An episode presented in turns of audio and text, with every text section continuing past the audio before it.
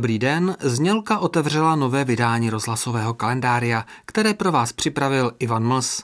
Po týdnu se opět scházíme, abychom si připomněli důležité, významné či prostě jen zajímavé historické události a osobnosti, jejichž výročí připadne na některý ze dnů týdne nadcházejícího. Přeji nerušený poslech. Před třemisty 50 roky 9. března 1672 vyšlo v Paříži první číslo časopisu Mercure Galant.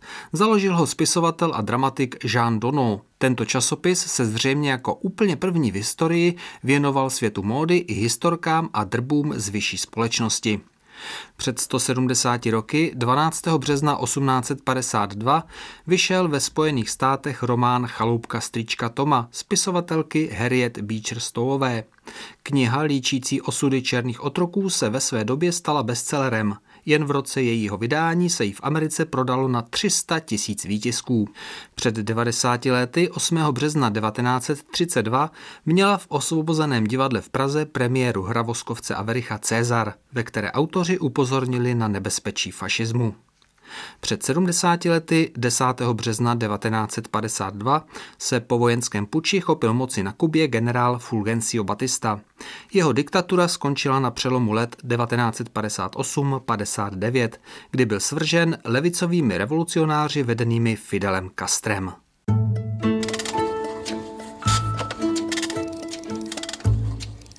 Do historie se zapsal objevením 525 mlhovin a hvězdokup a 3302 hvězd, pojmenováním sedmi Saturnových měsíců a čtyř měsíců planety Uran – Britský astronom John Herschel se narodil před dvěma sty 30 roky 7. března 1792 v rodině astronoma Williama Herschela, objevitele planety Uran. Svá pozorování prováděl John Herschel nejen z Anglie, ale také při svém několikaletém pobytu v Jižní Africe. Mohl tak navázat na dílo svého otce a dokončit katalog objektů nacházejících se na severní i jižní hvězdné obloze.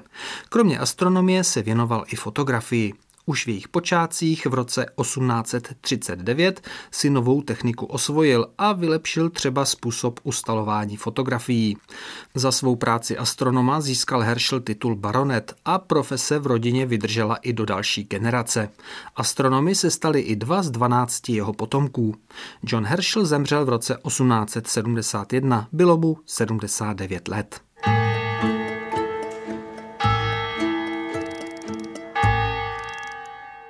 Jeho podivuhodné, okaté a zubaté figurky lidiček i zvířátek s trefnými hláškami v kreslených vtipech patřily po několik desetiletí k humoristickému týdeníku Dikobraz.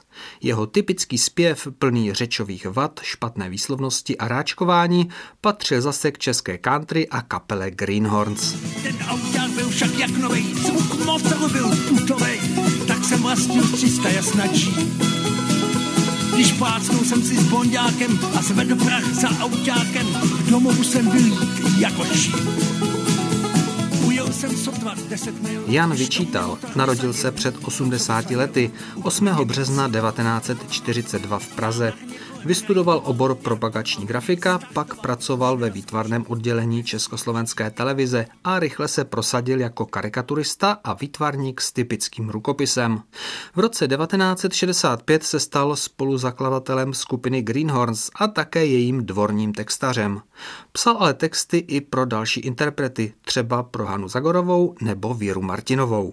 Jan vyčítal, věčný tramp, milovník divokého západu a všeho, co souvisí s americkou kulturou, zemřel pár dnů před svými 78. narozeninami v roce 2020.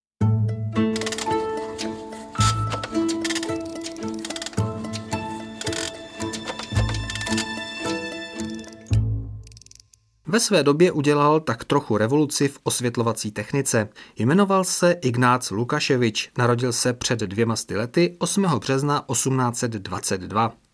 Pracoval jako lékárník ve Lvově, městě, které tehdy leželo v rakouské Haliči, později v Polsku a dnes na Ukrajině. Poblíž Lvova se v půli 19. století začala těžit ropa.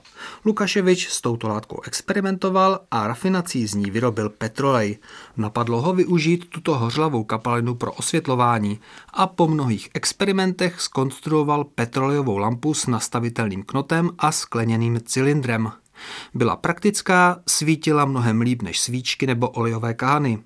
Smůlu měl Lukaševič jen v jednom. Svůj nápad si nedal patentovat, takže petrolejky, které se rychle rozšířily, mohl vyrábět kde kdo. V bídě ale kvůli tomu nebyl. Stal se regionálním ropným magnátem a také mecenášem, který založil lázně nebo podporoval kostely. Historické prameny datují vznik petrolejové lampy ve Lvově do roku 1853. Jiné vynález přisuzují američanu Benjaminu Silimanovi, který měl skonstruovat v roce 1855. Ignác Lukaševič zemřel v roce 1882 v nedožitých 60 letech.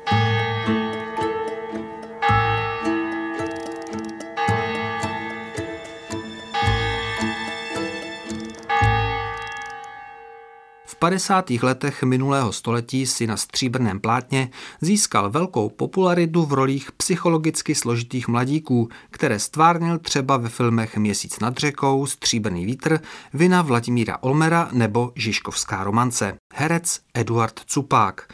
Narodil se v Brně 10. března 1932.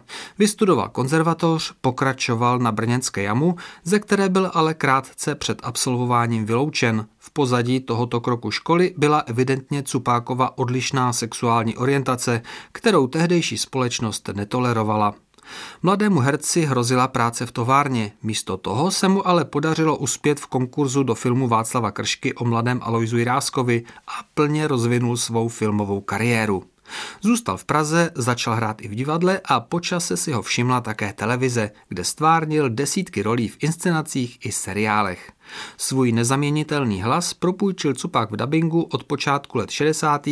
celé plejádě zahraničních herců, třeba Tony Curtisovi v komedii Někdo to rád horké. Nepochybuju, že jste gentleman. Nejde ani o to, jestli jsem gentleman. Jsem neškodný. Neškodný, jak to? Hmm. Aspoň pokud jde o ty věci se ženami, víte? Jak to? Ženy mě zkrátka nevzrušují, no. Vy jste frigidní. Eh, spíše to jakýsi druh mentální zábrany. Je to nepříjemné, ale sebekrásnější žena se mnou nehne. A zkoušel jste to? No bodejť. Teď já to zkouším v jednom kuse. Eduard Cupák zemřel ve věku 64 let v roce 1996.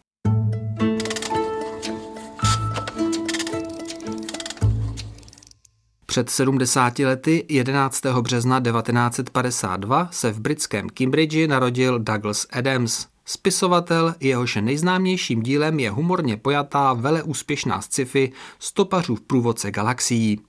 Původně šlo o rozhlasovou sérii, kterou od roku 1977 psal Adams pro stanici BBC. Do knižní podoby ji přetavil až o několik let později. Traduje se o něm, že co by autor byl velmi na štíru s redakčními termíny a slíbené rukopisy odevzdával na poslední chvíli. Kromě literární tvorby se Adams angažoval i v ochraně ohrožených živočišných druhů. Zúčastnil se třeba výstupu na Kilimanjaro v převleku za nosorožce, což byla akce, jejíž výtěžek šel na podporu programu na ochranu nosorožce dvourohého. Byl také propagátorem informačních technologií. Douglas Adams zemřel v pouhých 49 letech na infarkt při sportování v tělocvičně.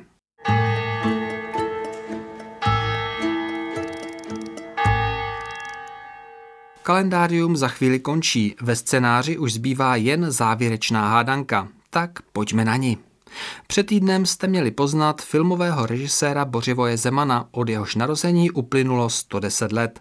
I díky filmové nápovědě to bylo pro vás jednoduché, takže já teď ze spousty došlých správných odpovědí losuji a drobnou odměnu od Českého rozhlasu České Budějovice získává Jindřiška Daňková z Českých Budějovic. Gratuluji. A dnešní hádanka? Poznejte českého kněze, který byl ve své době miláčkem pražské chudiny. Patřil k radikálnímu křídlu husitů. V létě 1419 vedl rozvášněný dav k pražské novoměstské radnici, kde posléze došlo k první pražské defenestraci. Na počátku 20.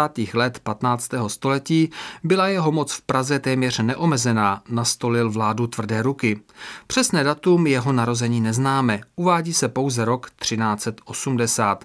Datum smrti ale víme přesně, bylo to před 600 roky, 9. března 1422, kdy byl konzervativními měšťany vylákán na staroměstskou radnici, zajat a popraven. Kdo je to?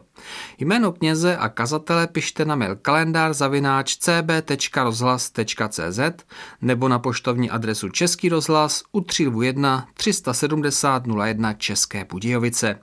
Rozluštění dnešní hádanky vás čeká jako obvykle za týden ve stejný čas a na stejné frekvenci. Dnešní kalendárium končí, loučí se s vámi Ivan Mls.